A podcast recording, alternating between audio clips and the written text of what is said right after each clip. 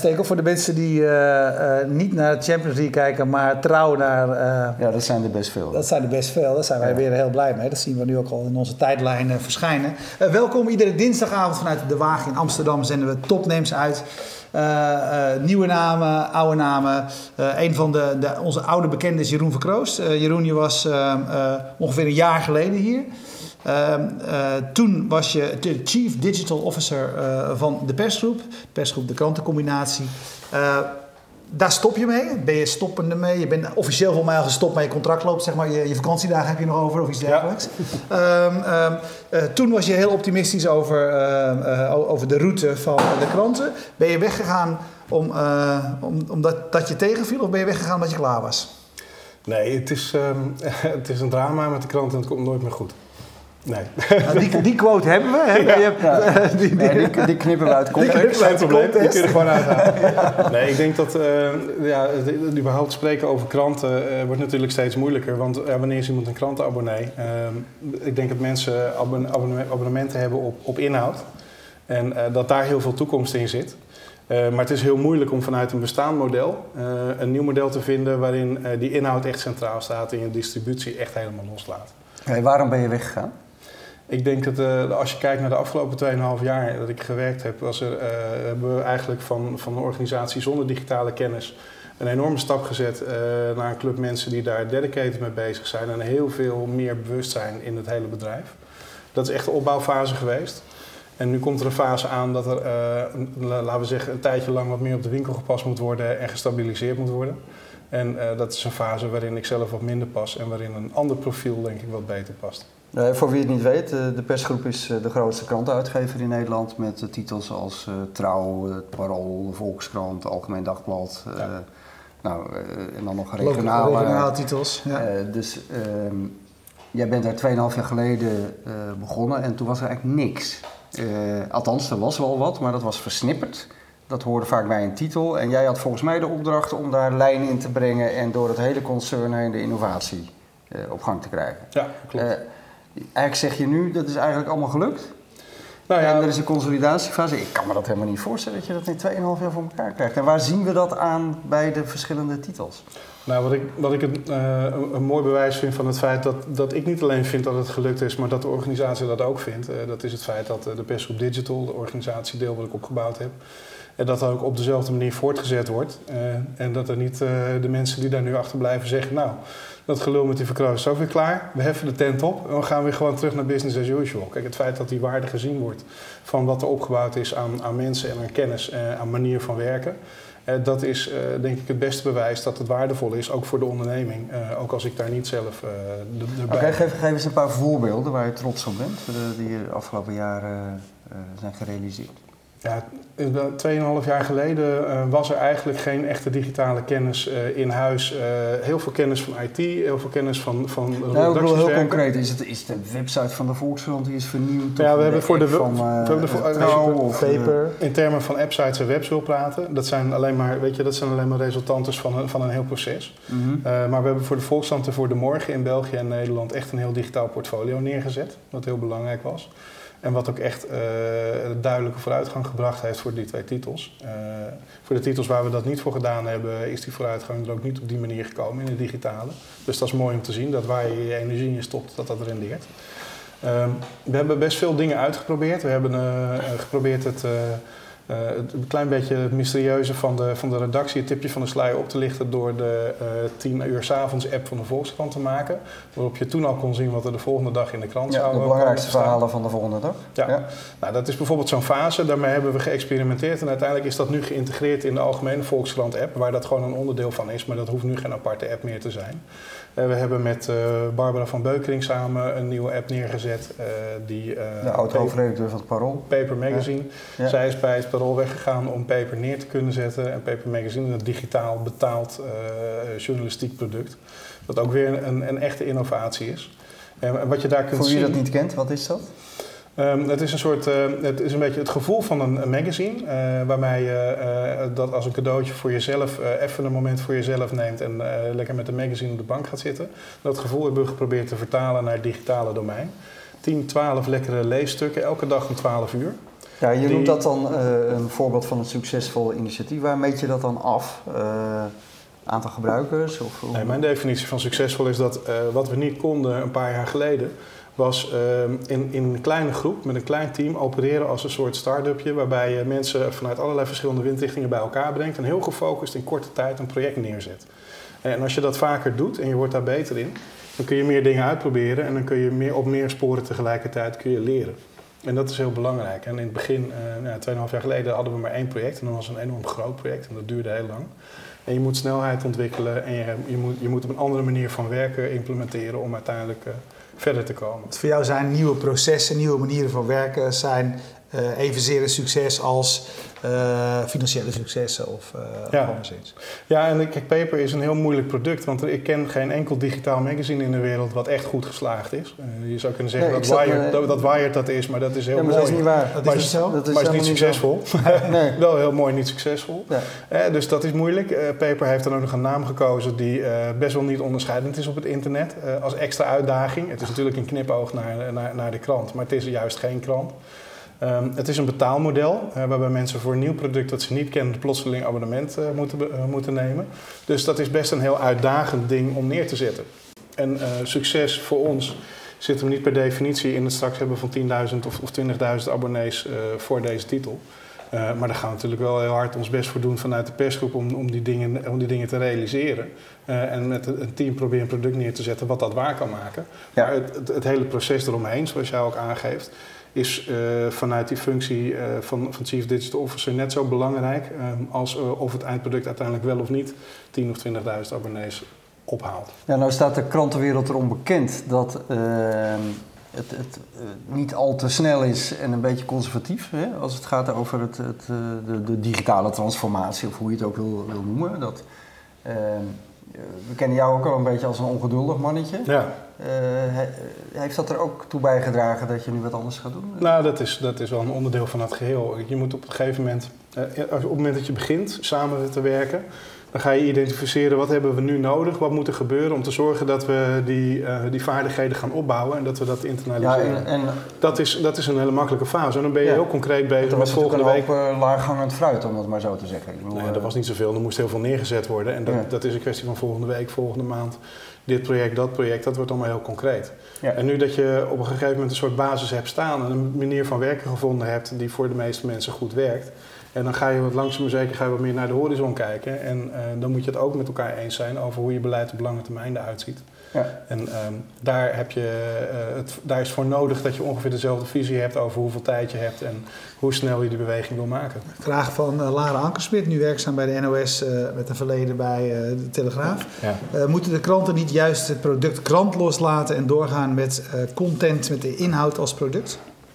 Ja, ik denk dat dat heel erg waar is. En het is heel moeilijk eh, voor mensen die eh 15, 20 jaar of langer in, in de krantenwereld werken, om het, het, fenomeen distributie helemaal los te laten. Maar de hele, de hele macht van media de afgelopen 100 jaar was natuurlijk gebouwd op het feit dat er vier bedrijven een, drukpers hadden. En eh, twee uitzendstraten waren in Nederland. En degene die die zes mi- mi- middelen controleerde, die controleerde in feite daarmee ook de toegang tot het publiek. Weet je, daar is de hele kracht van, van, van kranten in communicatie en in, in advertising op gebouwd. En toen het internet gebeurde, is natuurlijk heel het fenomeen distributie eh, plotseling verdwenen als, als USP. Want iedereen heeft nu beschikking over distributie. En je concurrenten zijn ook niet alleen maar binnenlands, maar ook buitenlands.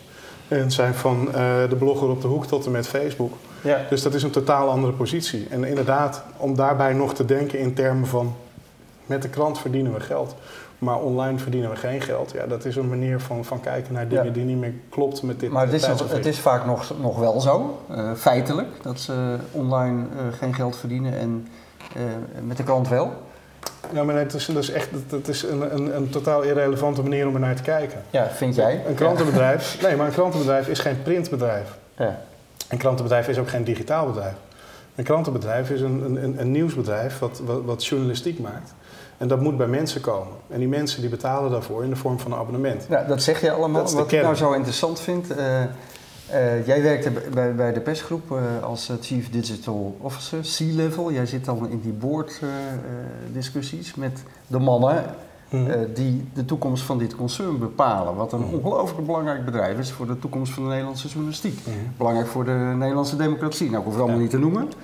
Hoe gaan die discussies? Van, zijn dat nou mensen die precies weten wat er speelt en eh, eh, soms dan andere keuzes maken dan Erwin en ik verstandig vinden? Of is het opportunisme? Of is het...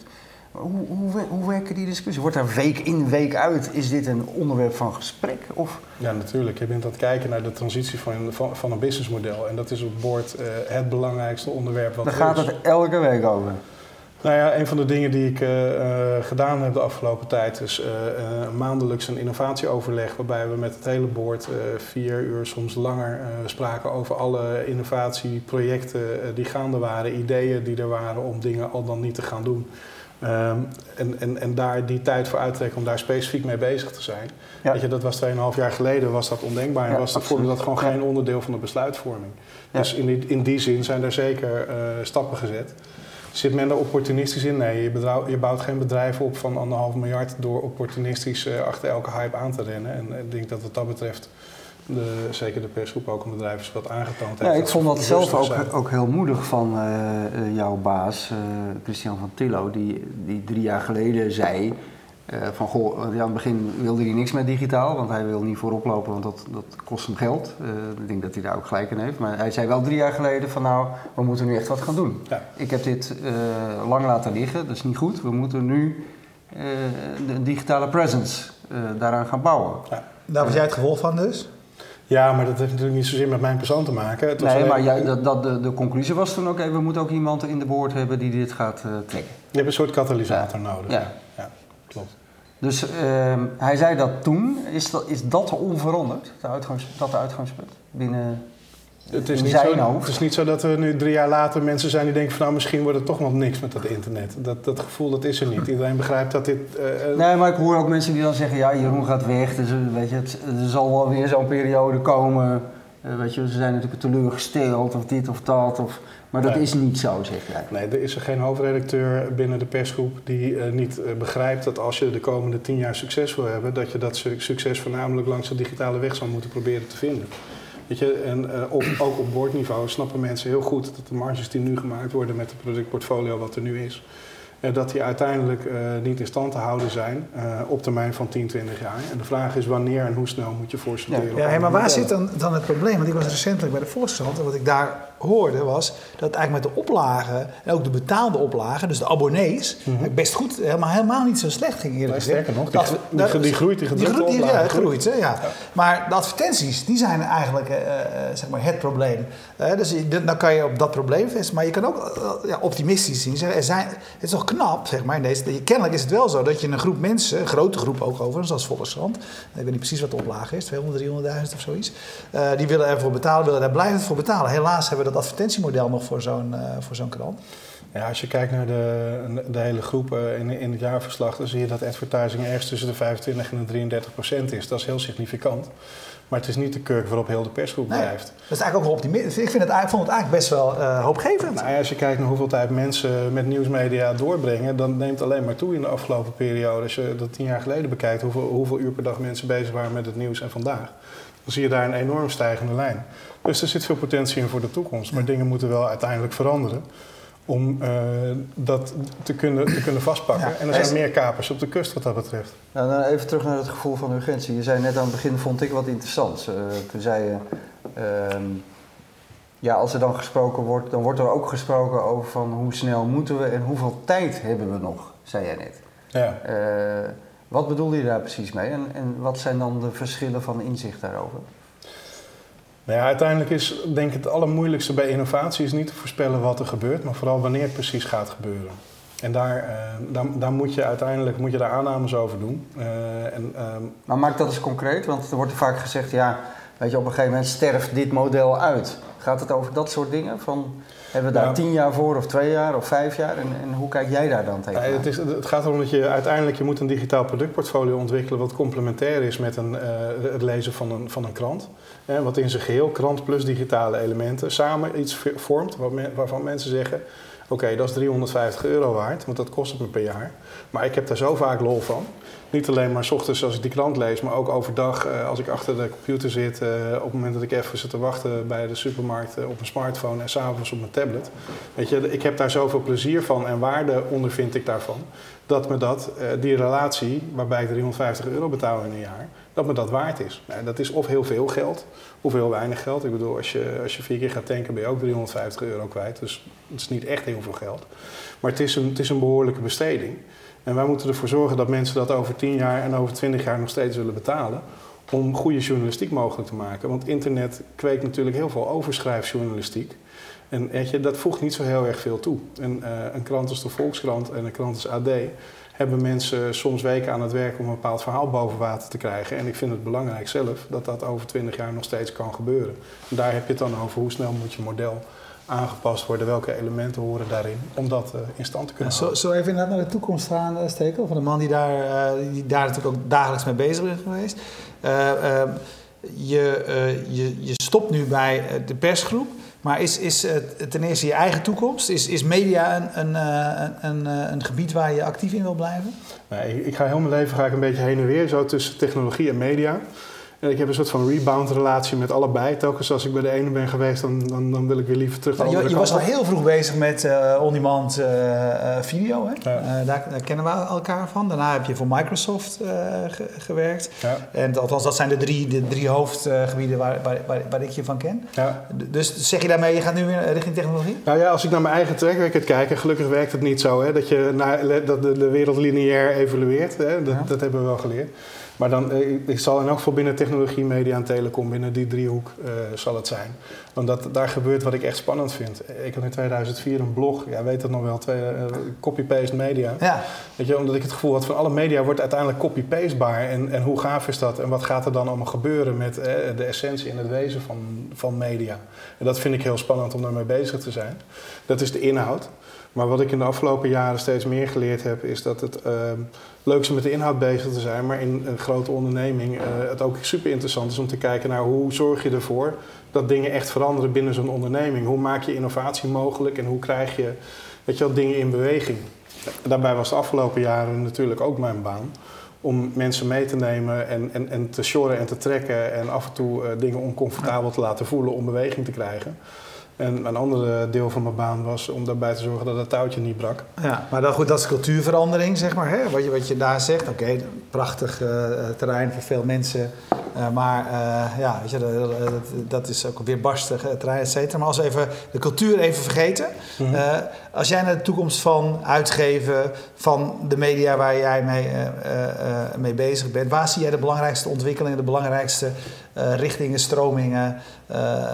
waar gebeuren die?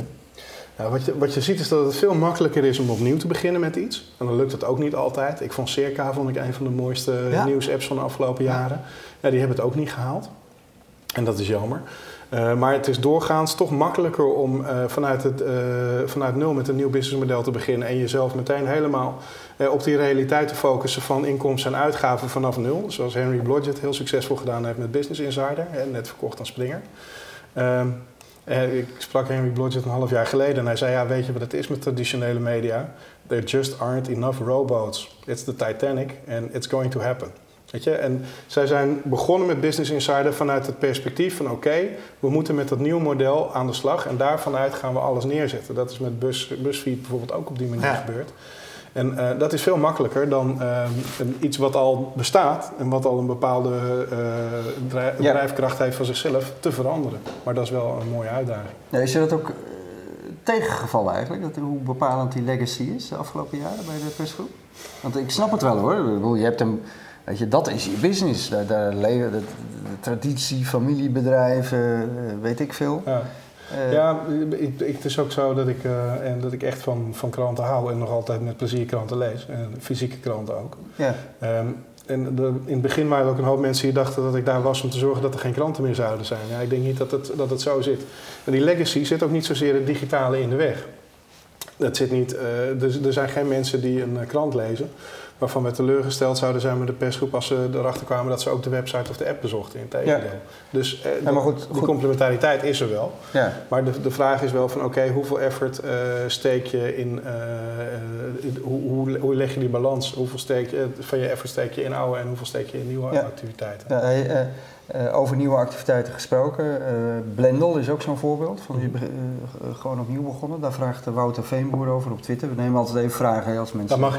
Eh, hoe kijk jij naar de toekomstige rol van Blendel en nieuwsinitiatieven van bijvoorbeeld Apple en Facebook? Ja. Ja, dat is iets. ehm, ik vind Blendel vind ik een, vind ik een hartstikke mooi bedrijf. Ehm, ik, heb het, ik zie het een beetje als de digitale ACO. Een plek op internet waar je onze content kan kopen. Eh, het is een distributiepunt eh, waar hopelijk ook nieuwe mensen in contact komen met eh, Ja. de mooie journalistiek die gemaakt wordt. Ehm, maar Blendel blijft heel erg een niche product. En dat vind ik een groot verschil met als je kijkt naar Facebook Instant Articles of naar Apple. Weet je, dat zijn echt massaproducten. En dat is iets waar uitgevers zich heel erg goed rekenschap van moeten geven hoe ze daarmee om moeten gaan. Weet je, eigenlijk, vroeger zeiden we internet cuts out the middleman. Ja. En wat je ziet is dat eigenlijk precies tegenovergestelde gebeurd is. Internet is de middleman geworden Ja. in, in bijna elke branche. En dan nog veel grotere middleman dan dat er ooit eerder geweest is. Want vaak echt op een, op een, op een wereldschaal. Kijk maar naar eh, de Airbnb's van deze wereld. En als journalistiek productiebedrijf moet je oppassen dat je niet degene bent die met alle productiekosten zit. En die op een gegeven moment niet meer het adres is waar mensen naartoe gaan om dat op te halen. En dat is een risico. Eh, als mensen eh, uiteindelijk alleen maar naar Facebook gaan om daar het nieuws te lezen, dan heb je een probleem en dan ben je volledig afhankelijk van Facebook. Dus je moet nadenken over hoe je samenwerkt met dat soort platformen en er gebruik van maakt, maar tegelijkertijd daarnaast iets neerzet voor je echte de kerndoelgroep. Die meer wil dan alleen maar af en toe een Funny Cats video of één los verhaaltje eh, van, van jouw merken. Ja, maar ja, weet je, heb, heb jij, heb jij die Apple News al bekeken? die Ja. Ja, ik vind het echt geweldig. Eh, zo zeg ik, dit is echt in die zin, kan nog beter, weet je, kan, kan, kunnen er meer bronnen in, et cetera. Maar je hebt echt zoiets van, dit is wel de RSS zoals, het, zoals je het eigenlijk ge- ooit gewild had. Ja. Dus eh, even voor de mensen die, die, die het niet kennen, eh, je kunt of kiezen voor een, voor een onderwerp, zeg maar. Ik wil alles over muziek en dan zorgt Apple dat de beste, de belangrijkste bronnen bij elkaar komen. Of je abonneert je op, de, op de, als het over muziek gaat, op de Engelse NME, et cetera. En, en, en, en onderweg kom je een artikel tegen en er staat een, een thema boven van, ik noem maar wat, eh, zelfwerkzaamheid of het crowdfunding. Wat, klik daarop, daarna krijg je die belangrijkste bronnen. Dus zo stel jezelf, zeg maar, uit al die bronnen. Waarom zou wij het mij, daar, daar, daar sla ik eigenlijk een klein beetje op aan. Dat je zegt van, eh, dat je die, die stukken van verschillende bronnen krijgt. Dat is alleen maar een probleem als je de, als je de bron bent. Dat is, niet een, dat is niet een probleem voor mij als lezer. Ik zag, het, ik zag het ook niet als een probleem hoor. Nou, je, je, zei eigenlijk van als al die mensen één stuk, één artikeltje van je lezen. Ja. Maar ja, weet je, ik ben de lezer. Ik krijg de beste, net als jij met Paper, de beste artikelen, eh, jullie de beste artikelen van vijf kranten eh, samenstellen. Doen zij het eh, voor mij, maar dan misschien wel van 500. Eh, dus dat is eigenlijk, ik ervaar het eerder als een betere, een betere versie van, eh, van één titel dan eh, van één titel. Ik, ik, volgens mij heb je me nu verkeerd begrepen. Oké, nou dat is mooi. Daar, hebben we de tijd voor dat je het even uitlegt. Ik vind het fantastische producten. Eh, alleen wat je ziet op dat soort platformen is dat vaak een verhaal los als een soort capsule langskomt. Het is net zoals een beetje zoals Twitter. Het is een soort rivier en er drijft van alles langs in zo'n app. En oké, soms geef je zelf een zoekwoord in, maar heel veel mensen die kijken gewoon naar wat staat erop en die klikken een paar keer door. Ehm, maar de dingen eh, als een geheel brengen, eh, aan elkaar gerelateerde context eh, en content, dat is iets wat in zo'n omgeving niet echt gebeurt. Hè. Een verhaal is over het algemeen een stukje tekst met een asset, een fotootje of een videootje Ja. erbij en dat is het. Ehm, daar is niks mis mee, dat is geen waardeoordeel. Maar dat is iets anders dan wanneer je op een gegeven moment een goed gepersonaliseerde omgeving neerzet, waarin alle concepten op een veel diepere manier aan elkaar gerelateerd zijn. En waar je voor de mensen die echt belangstelling hebben en dieper willen gaan, ook een hele wereld neerzet die ehm, uiteindelijk veel minder gefragmenteerd is dan dat hij dat in een eh, omgeving is waar duizend bronnen bij elkaar gebracht Maar worden. waarom zouden ze dat bij Apple niet kunnen? Ehm, ik weet niet of ze dat bij Apple niet kunnen, maar ik heb het sterker de indruk wat er, wat er nu staat, hè, dat het meer, zoals jij ook al zegt, een soort RSS-verzameling is. Ja. En eh, volgens mij zijn ze nu nog heel druk bezig met proberen te zorgen dat je niet eh, allerlei stukken drie keer te zien krijgt, Ja. die voor 90% Weet je wat ik, dezelfde weet je wat strekking ik hebben. goed? Ik vond Nuzzle vind ik ja, goed. daar ben ik ook. Daar ben ik, ben ik een beetje aan het proberen en het, het is onwaarschijnlijk hoe zij aan weten te sluiten bij mijn interesse. Dat, dat, weet je, de dingen die ik interessant vind komen er echt eh, naar boven. Ja. Heb je het gezien? Ja, ja, absoluut. Ja, het is natuurlijk helemaal gebaseerd op jouw eh, volgers op de verschillende sociale media. Dus alles wat daar eh, gedeeld wordt en getwitterd en zo. Dat, dat, eh, Ja, maar het gaat wel ietsje verder. Hè. Dus voor wie het niet kent, is nog even spellend N-U-Z-Z-E-L. Ze pakken in eerste instantie inderdaad de mensen die jij volgt en kijken wat delen die meer. Hè. En als, dat meer, als een artikel meer gedeeld wordt, dan, dan is het belangrijker. Dus krijg jij dat naar voren. Maar eh, je kunt ook zeggen, jij kunt in Twitter een lijst aanmaken met zeg maar Ja. de tien beste sportverslaggevers die jij Ja. kent. En die stop je in een lijst en dan krijg je daar. En zij kunnen daar natuurlijk van leren. Hè, dus nu zijn het je volgers die nodig zijn, maar straks eh, is dat ook niet meer nodig. Want andere mensen kunnen gewoon abonneren op de belangrijkste bronnen over een, eh, over een thema. Zeg maar. ja. Maar dit is vooral voor verticals is dit heel geschikt. Hè? En voor die dingen waar je echt diep wil gaan op een bepaald onderwerp... en dat je helemaal van de mountainbiker bent of van, Mhm. de, van de crowdfunding... Weet je, is dat super, omdat daar af en toe in allerlei verschillende media korte stukjes over Ja. staan. De meeste mensen die een eh, abonnement hebben op nieuwsmedia... die hebben eh, behoefte eh, aan een bepaalde blik op de wereld. eh, en, en om die wereld, eh, wat er gebeurt in die wereld, op die manier gepresenteerd te krijgen. En daar zit een bepaalde consistentie in. Maar is dat zo? Zijn dat andere mensen? Want wij hebben allebei een paar eh, eh, kranten die wij per dag lezen. Dus wij zijn ook gewoon de, abon- de abonnee van de krant. Ja, ik vind het wel. Ik, kijk, bij mij is de grote, mijn grote probleem met al die internetinitiatieven eh, blijft. Eh, en dat is iets journalistieks misschien wel hoor, de drang naar volledigheid. Kijk, ik wil toch, eh, bij, op internet weet je nooit eh, hoe het algoritme in elkaar zit en of ik niet iets heel belangrijks totaal mis. Omdat dat toevallig niet eh, In je naar boven komt. zit, ja. Of in, in die voorkeuren zit. Terwijl ik verwacht van de kranten die ik lees eh, wel dat als ik die elke dag minimaal doorblader en de koppen snel, dan weet ik weer alles. Ja. Wat relevant en belangrijk is. Maar dat vind jij, dat geloof gevoel heb jij ook? Nee, ik weet hoe het werkt, maar op internet, Ja, nou ja, daar ik vind het grote probleem met al die algoritmes en al dat gefilter en al dat, de feeds en weet ik wat, je weet het nooit. En ik, je mist ook dingen. Je mist absoluut dingen. Ja, maar in de krant mis ik veel meer dingen. Al die dingen die hier, die hier langskomen, en die nuzzel, die staan niet in mijn krant. Maar Nee, maar een het is voor mij ook discussie van het is of een krant of het is Het nuzzel. is en-en. Dat is natuurlijk niet zo. Nou ja, ik heb toch. Maar laat ik zo zeggen, een belangrijk ding lijkt mij wel. Van, ik, ben, ik hou van de krant. Vanaf mijn veertiende, toen ik de krant rondbracht eh, en, en eh, de Rijn en Gouwen in Nieuwkoop Ja, daar eh, kreeg. en Ja, dat was een belangrijk verhaal. Nee, maar, ja, nee, maar sorry hoor, maar als, als, Ja. als bij mij geldt, als, als mijn geld nu een beetje ophoudt, dan is een van de eerste dingen die ik opzeg, is een van die twee kranten. Hè? Zo eenvoudig is het.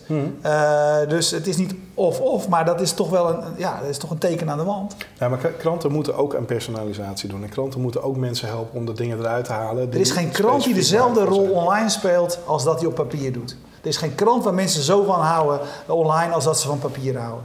Nou ja, de onderzoeken die wij gedaan hebben, bijvoorbeeld onder AD-lezers, zien mensen het verschil helemaal niet. Ah, AD, ja, AD, dat is inderdaad wel een andere groep. Ik dat ben. AD-lezer en ik dat? hou Jij? van het AD. Eh, Ja? Nee, dat zien mensen die zeggen ik ben ook een AD-lezer, daar niet van. Eh, maar onder andere. Ah, die site vind ik echt afschuwelijk. Het is echt, eh, echt de meest afschuwelijke site die er in de hele persgroep eh, gemaakt wordt. Goed nieuws voor je, er komt een nieuwe site. Die is al een tijdje af, tenminste de voorkant. En de achterkant die zijn eh, de vrienden van de persgroep nu aan het bouwen. Ja. Dus met een beetje geluk over een aantal maanden. Maar misschien ben ik ook niet de doelgroep ervan. al Één, ding wil ik nog weten van je over die persgroeptijd. Want we, we- ik vind het ook eigenlijk veel leuker om met je te praten over de toekomst van de, eh, nieuws en de media.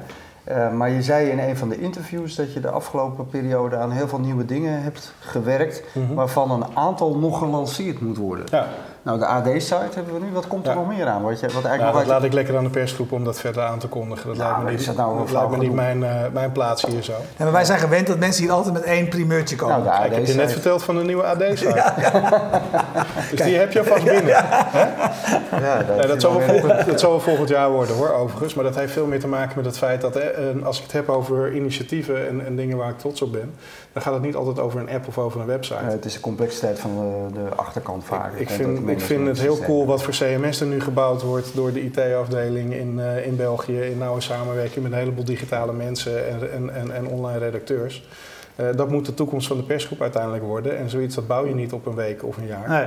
Ehm, maar als het straks uiteindelijk staat, en eh, dat gaat niet, eh, niet af zijn, ook niet in het komende kalenderjaar, maar een stukje bij beetje komt dat weet je, langzaam maar zeker eh, overeind. En dan is dat een geïntegreerd systeem waar je eh, al je inhoud in kunt vinden, of het nou naar de krant moet, of dat het naar een app moet, of naar de voorruit van je auto straks. Ja. Dat maakt niet uit. Ja. En waar veel meer intelligentie in zit voor journalisten om makkelijker en sneller hun werk te kunnen doen. ehm, en waarmee je uiteindelijk betere digitale producten kan maken. Ja, eh, vorige keer hebben we het ook een hele tijd gehad over eh, eh, nou, de, de betaalmuren hè, op de sites. Kijk, het staat denk ik als een paal boven water dat iedereen op zoek is en dat er meer middelen moeten komen en manieren moeten komen waardoor mensen kunnen gaan betalen voor online content. Dat, dat, men verwacht nog te veel dat dat gratis is. En toen hebben we heel veel over de methodes en de manieren gehad hoe je dat zou kunnen doen.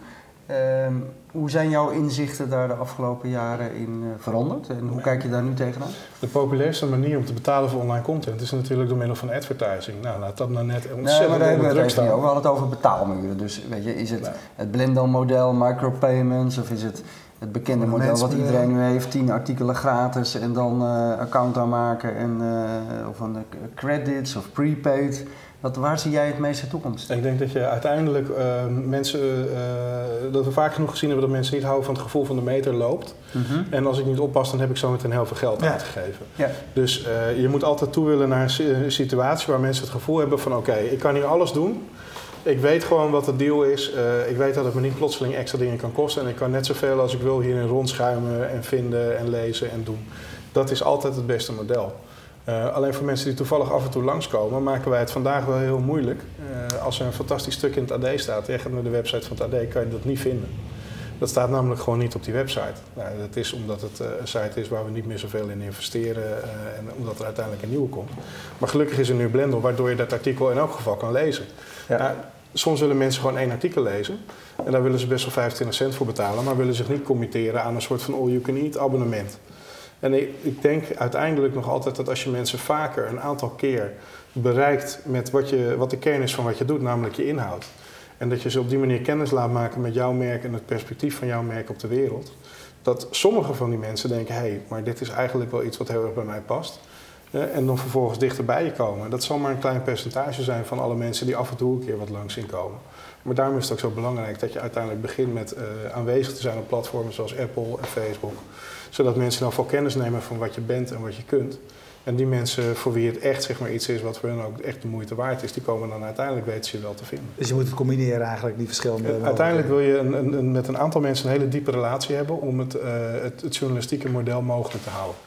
Hey, je zei, uh, uh, je, je, hebt eigenlijk twee dingen gezegd. Enerzijds heb je gezegd van wat wij gedaan hebben bij, bij de persgroep is proberen uh, met kleinere clubjes, met kleinere projecten vernieuwingen door te voeren. Hè, bij een bestaand bedrijf, logisch traject. Tegelijkertijd zei je van, ik sprak bijvoorbeeld net Henry Blodgett, zeg maar, die, die zei van ja, het, probleem is die bedrijven hebben, hebben, hebben, legacy. Dus het is beter om, het is makkelijker om ergens uh, iets naast of iets nieuws te starten dan iets bestaans te veranderen. Als jij nu nog een keer naar, naar een mediabedrijf uh, zou, zou, uh, zou verhuizen, uh, wat zou je ze dan aanraden? Zou je zeggen, het is gewoon echt veel beter om er gewoon echt iets helemaal naast te zetten? Want dan kun je, laat gewoon concurreren met je eigen organisatie, zeg maar. Geen ballast van wat er is. Ja. En we zien wel wie wint. Nou ja, je ziet dat sommige bedrijven doen dat uh, en, en uh, doen dat denk ik ook wel uh, in sommige gevallen aardig. KPN is denk ik wel een goed voorbeeld van waar dat soms goed werkt. Maar je ziet ook dat bijvoorbeeld bij de Telegraaf Mediagroep dat nou niet echt een succes is geweest. Die hebben een incubator gestart en een jaar later eigenlijk ook weer opgeheven. Omdat het niet zoveel wezenlijks toevoegt aan hun bedrijfsvoering. Ja, dus maar het dan, is niet dan zou je eigenlijk kunnen zeggen, ze hebben geen, dan, dat noem ik eigenlijk niet geen kans gegeven. Nou ja, ik, daar ben ik niet bij geweest. Dus hoe dat precies gegaan is, dat weet ik niet. Maar het is, niet, het is geen garantie voor succes, dat model. Nee. Weet je, um, je hebt uiteindelijk een planeet. En dat is het bedrijf wat bestaat en wat heel veel dingen mogelijk kan maken. En ik denk dat de kunst is als je een, uh, een nieuw initiatief start... Uh, om te zorgen dat het gebruik maakt van die zwaartekracht van die planeet... en als een soort satelliet omheen draait... Uh, maar niet te dicht bij de oppervlakte komt... en niet verstrikt raakt in, in allerlei bomen en takken... en allerlei interne politiek en gedoe. Want dan krijgt het geen kans meer uh, om tot wasdom te komen. Dus dingen een klein beetje op afstand zetten... Maar dat hoeft niet eens extern. Hè. Paper is zo'n heel klein satellietje wat gewoon intern bij ons op een, uh, ergens op, op het innet in Amsterdam hier zo een onderdeel was. En in een kamertje zat. Maar wat wel gewoon de ruimte gekregen heeft om zelfstandig zijn keuzes te maken. Dat kan ook. Ja. Hey, um, als, als je nu... Uh, er zijn natuurlijk positieve verhalen, zoals het verhaal van mensen die zijn nog steeds kennelijk bereid om die 350 euro per jaar en toenemende mate uit te geven voor, uh, voor informatie. Uh, een, een, probleem is voor de kranten uh, afnemen van, van, de, van de reclameinkomsten. maar hoe, hoe um, optimistisch ben jij over nieuwsorganisaties, laat ik ze zo even noemen, of journalistieke organisaties? Want willen, willen we in toenemende mate betalen voor deze dingen? Of eh, gaan, gaan, mijn, gaan jou of mijn kinderen eh, hetzelfde betalen als ik doe? Ik ben daar een beetje, eh, ik heb mijn kinderen daar nog nooit op betrapt. En die beginnen toch bij me op een leeftijd te komen dat ik denk van, ze zouden het op zijn minst toch belangrijk genoeg nu moeten gaan vinden. Om te, om te betalen voor Je zit een beetje te wachten tot het gaat gebeuren bij ze. Ja, ik heb nog nog nooit de krant zien lezen, dus daar begint het, daar begint het een al mee, zeggen, terwijl ze toch wel in informatie geïnteresseerd zijn. Ja. Ja, waar gaat het naartoe? Nou, als je kijkt naar het model van een, een krant, hè, dat is eigenlijk 25 euro per maand per huishouden. Ehm, als je nou kijkt naar eh, het model van de toekomst en je zou dat volledig digitaal zien, dan zie je dat contentabonnementen over het algemeen niet meer dan een euro of 10 zijn. Ja, dus eh, dat is best een, eh, een naar verschil als je daar zo naar kijkt. Dan zou je zeggen, oh jee, we gaan eh, 15 euro per huishouden gaan we verliezen. Het punt is dat zodra je die ervaring die je digitaal maakt, zodra je die ook echt persoonlijk maakt, dan is dat probleem eigenlijk alweer verdwenen. Want op het moment dat ik naar mijn persoonlijke variant van de wereld door de blik van de Volkskrant kijk, ja. dan staan er bij mij op de Volkskrant, eh, Volkskrant voorpagina ineens dingen over muziek, dingen over Feyenoord, dingen over België, dingen over media, dingen over Formule 1. Fijn, Ja, hoor. ja dat is hartstikke wel fijn. Hoor. Ik ook overigens. Hè. Ik, ben een, ik ben Feyenoord eh, liefhebber in Amsterdam. Eh, In deze uitzending, nu ik voldoende, voldoende steun heb, kan ik het wel zeggen. Nee, ja, nee. nee, eh, Dus, hou maar dat, zijn- dat zijn allemaal dingen waar de Volkskrant over schrijft, maar die doorgaans niet in het eerste beeld van de Volkskrant eh, neergezet worden. Maar ik vind het heel fijn om die dingen wel direct te Maar doen. goed, daarover. Hè. Komen we komen, helemaal eens. Hè, want daar geloof ik ook he- heilig in. En ik eh, zal nu niet ons steken bij jou, zeg je elke keer. Dus ik zal niet te veel herhalen wat ik in zijn, in zijn aanwezigheid altijd zeg. Maar ik heb, ik heb niet het gevoel dat dat dichterbij komt. Nou, als je Eh, nu naar de Volkskrant-site gaat en je zie je artikels staan, dan kan je dingen een sterretje geven en dan ga je naar Mijn Nieuws. En dan zie je bam, je hele persoonlijke voorpagina van de Volkskrant. Met alleen maar de onderwerpen en de items en de schrijvers en de bands dat jij aangegeven hebt dat je interessant vindt. Dat is jouw nieuws, jouw pagina van de Volkskrant, die op die manier samengesteld En is. hoeveel mensen zijn er? Want ik betaal dus voor de Volkskrant. Ja. En ik heb geen. eh die, eh, ik weet je, ik, ik, ik heb vast een mailtje ooit gekregen dat ik. Hoe je een, kan eh, inloggen, maar ja. dat weet je niet meer. Nee. Nee. Maar ik, ik, ik denk eerlijk gezegd dat ik daar niet de enige in ben. Nee, dat. Eh, weet je wel, dat, ik, wat jij nu vertelt, weet ik niet eens, terwijl ik daar gewoon keurig aan Nee, dat is ook iets wat we aan het ontwikkelen zijn. En wat in eerste instantie heel diep in de site verstopt zat. En wat we nu iets meer naar de oppervlakte gebracht hebben. Ook omdat het goed genoeg moet zijn voordat je er echt eh, over op de borst gaat slaan. Ehm, maar een ander voorbeeld van er werd gevraagd waar ben, je, waar ben je trots op. Ik hoop dat we binnenkort eh, jou in staat kunnen stellen om op basis van een combinatie van je postcode, de laatste vier cijfers van je bankrekeningnummer, gewoon in te loggen op die site. Ook al weet je verder jouw abonneenummer niet. Het is natuurlijk helemaal Ja. niet van deze tijd Ja, dat wij jou vragen vinden. om je Ja. abonneenummer. Nee, er staat er ook nog bij, staat, eh, uw abonneenummer staat op de factuur. Ja. Weet je? En net als je de facturen allemaal ademloos doorneemt elke Alsof maand. die allemaal En, en op een stapel naast je hebt liggen. Nee, ook niet. Ja, geïndexeerd. Weet je, dus dat Nee. is, eh, ook daarin kunnen we nog enorme stappen maken om mensen beter als klant te behandelen en meer in staat te stellen om dat soort dingen gewoon heel makkelijk te ontdekken. Nou, als laatste nog even eh, een vraagje van Twitter. Eh, Lara Ankersmit wil nog even weten. Nuzzle, Apple News, Circa. Was dat lastig uit te leggen aan de persgroep collega's of no problem? Ja, nou, er zijn eh 5000 persgroepcollega's. Het is niet dat ze er allemaal heel erg mee bezig waren. Maar de mensen die op strategisch niveau bezig zijn met de toekomst van de persgroep, die, Die zitten echt niet te slapen hoor. Ja. Karin Winters dan nog eventjes, eh, die zegt van eh, het, het model zit volgens mij in, eh, in originaliteit en zelf nadenken van, van journalisten. Want zij zegt van er, wordt eigenlijk zoveel overgenomen van, van elkaar. Hè, dus zij, zij is eigenlijk zoveel overeenkom, overeenkomen dat ik, zij zegt dat ik geen krant lees of misschien geen, geen, geen site, site volg. Zit, zit daar zeg maar waar je bij de krant gewend bent dat je een, hè, een overview van alles moet hebben, zou je kunnen zeggen. Is dat online eigenlijk anders? Hè? Want eh, de meeste mensen hebben maar één krant, sommigen hebben er twee, maar dat zijn dan denk ik al wel de uitzonderingen. Ik heb er drie. Eh, jij hebt er drie, nou dan ben je volgens mij, denk, lijkt mij echt wel een, een, Bedankt, uitzondering. Nederlandse journalistiek. Ja, ja, zijn ze ook allemaal, nee, niet allemaal, zijn allemaal van Nee, niet allemaal van Nee, zij. nee. Van, eh, Nou, voor mij twee ik heb, wel, ik heb overigens. wel onlangs heel goed begrepen waarom Van Tillo al die kranten heeft gekocht. Want ik heb nou de Volkskrant eruit gegooid. Die was ik op een gegeven moment zat. Wat heb ik nou gedaan? Dan, neem je, eh, dan na twee weken denk je toch, ja, kut, toch wel lekker een krant 's ochtends. Dus dan neem je een proefabonnement, maar dan neem je eens wat anders. Dus dan neem je trouw, maar dat is ook van Van Tillo. Ja. Dus het is op zich wel slim om natuurlijk zoveel kranten te hebben. Zoveel klanten te hebben, ja. Nee, maar, maar, maar inderdaad, waar zit het onderscheidend vermogen? Eh, Is dat anders eh, online eh, dan, dan op papier? Ja, er zijn heel veel mensen die denken dat wat ze online te zien krijgen op bijvoorbeeld nu.nl en de site van het AD, dat dat alles is, dat dat journalistiek is. Maar dat is geen journalistiek. Dat zijn persbureauberichten die een klein beetje opgeleukt zijn met een andere kop. Maar waar alleen maar de vijf W's in zitten. Wie, wat, waar, wanneer, waarom. En waar geen eh, duiding bij zit, waar geen achtergrond bij zit en waar geen Maar interpretatie ja, onze favoriete fotograaf, eh, die jou net heeft vastgelegd op de plaat van het ANP, zal daar toch anders over denken. Die zal Nee, maar dat is, die zal zelf ook zeggen dat is grondstof voor journalistiek. En dat is ook wat het is. Maar het punt is omdat we heel lang, zeg maar, alle nieuwsmediamerken in Nederland het niet eh, online gebracht hebben wat ze wel in de kranten brachten, is er een hele generatie mensen opgegroeid Ja, die nou, überhaupt dat- niet weet Dat is er meer te krijgen is. Van, hoe, hoe komen die mensen ooit nog in aanraking met... eh, En daar ben ik blij met de Ja. blendels van deze wereld. Ja. Hè. Ehm, eh, dit, dit gaat eh, arrogant klinken, maar ik kan even geen betere vergelijking vinden. Het is een klein beetje, als je het ANP eh, eh, of nu.nl nieuws leest, gewoon de vlakke berichten. Dat is een klein beetje als, als naar de snackbar gaan. Er is niks mis mee. Eh, je kan prima eten en je hebt daarna het gevoel dat je gegeten hebt. Eh, maar eh, daarmee vergeleken is een echt eh, door een journal- journalist bewerkt stuk eh, is naar een restaurant gaan. Ik ga regelmatig naar snackbars. Ik ga ook reg- regelmatig naar restaurants. Ik ben niet van plan om binnenkort met één van de twee op te houden. Ze hebben allebei een plaats. Ja. Oké. Eh, ik wil één ding toch. Eh even nog, eh, dit gaat bijna al over schrijven waar we het gehad hebben. Worden de nieuwsorganisaties die vanuit kranten gestart zijn, laat ik ze dan maar zo even noemen, worden dat ook nog ooit echte mul- zogenoemde multimedia-organisaties? Of blijft, is, is, is eigenlijk gewoon dat geschreven bericht eigenlijk best wel mooi? Iedereen heeft maar over video, video, video. De persgroep heeft natuurlijk een, een vrij succesvol radiostation. eh, binnenkort de nummer 1 van Nederland. Ja, Eh, in België de nummer 1. de persgroep is de, de grootste commerciële zender voor zendergroep Je in België. muziek, voor muziek, 50 je hebt een, jullie hebben een muziekstation toch? Is Ja. ja. maar ik heb het even over journalistiek toch? Ja, om nou te gaan zeggen dat. Ja, maar je hebt het over muziek- multimedia. Ja, maar dat, dat, is, dat, dat is niet zo. Kijk, daar wordt niet automatisch muziek van. Hè? Ik heb het over een journalistieke organisatie die zijn verhalen vertelt op de, met, met, op de manieren die, die, die kunnen die er zijn. Ja. Als je dan zegt, we hebben als voorbeeld een muziekzender.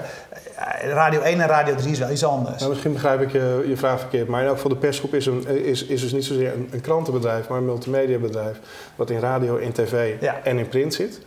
Als je nu kijkt naar wat er gebeurt, eh, de Telegraaf is eh, een tijdje geleden eh, wat fanatieker gaan inzetten op video.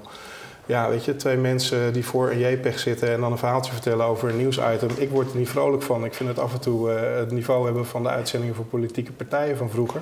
Weet je wel, dat Jan Maat met zijn potplant eh, naast zich zat en eh, het volk toesprak. Ik denk niet dat dat iets is wat... Maar ik bedoel het ook juist niet als heeft. kritiek, want ik bedoel juist eigenlijk misschien wel dat het, ik zelf zie namelijk het spanningsveld dat, het, dat je op de, de, op de plekken waar je geschreven verhalen verwacht, waar video ook een rol speelt, die, dingen, die, die twee dingen die, lijken te conflicteren. Want je komt of om iets te scannen, Ja. je, of je gaat naar een plek om je, om je tijd te nemen om iets te. Ja, maar dan ga je uit van één verschijningsvorm. En ik denk dat bijvoorbeeld wat een krant doet iets heel anders is dan wat de website moet doen. En dat eh, wat er voor gebeurt op bijvoorbeeld eh, de app eh, op je mobiele telefoon weer totaal anders is dan wat er op je tablet-omgeving gebeurt. Ja? Een tablet die gebruik je eerder tien uur s'avonds op de bank in, een, in een vrij relaxte modus. Dat is de plek voor grote foto's en voor video. En om acht uur 's ochtends mensen naar video's laten kijken van 10 minuten is, is mission impossible. Dus ik denk wel dat er binnen het journalistieke kader een plaats is, ook voor producties op videogebied.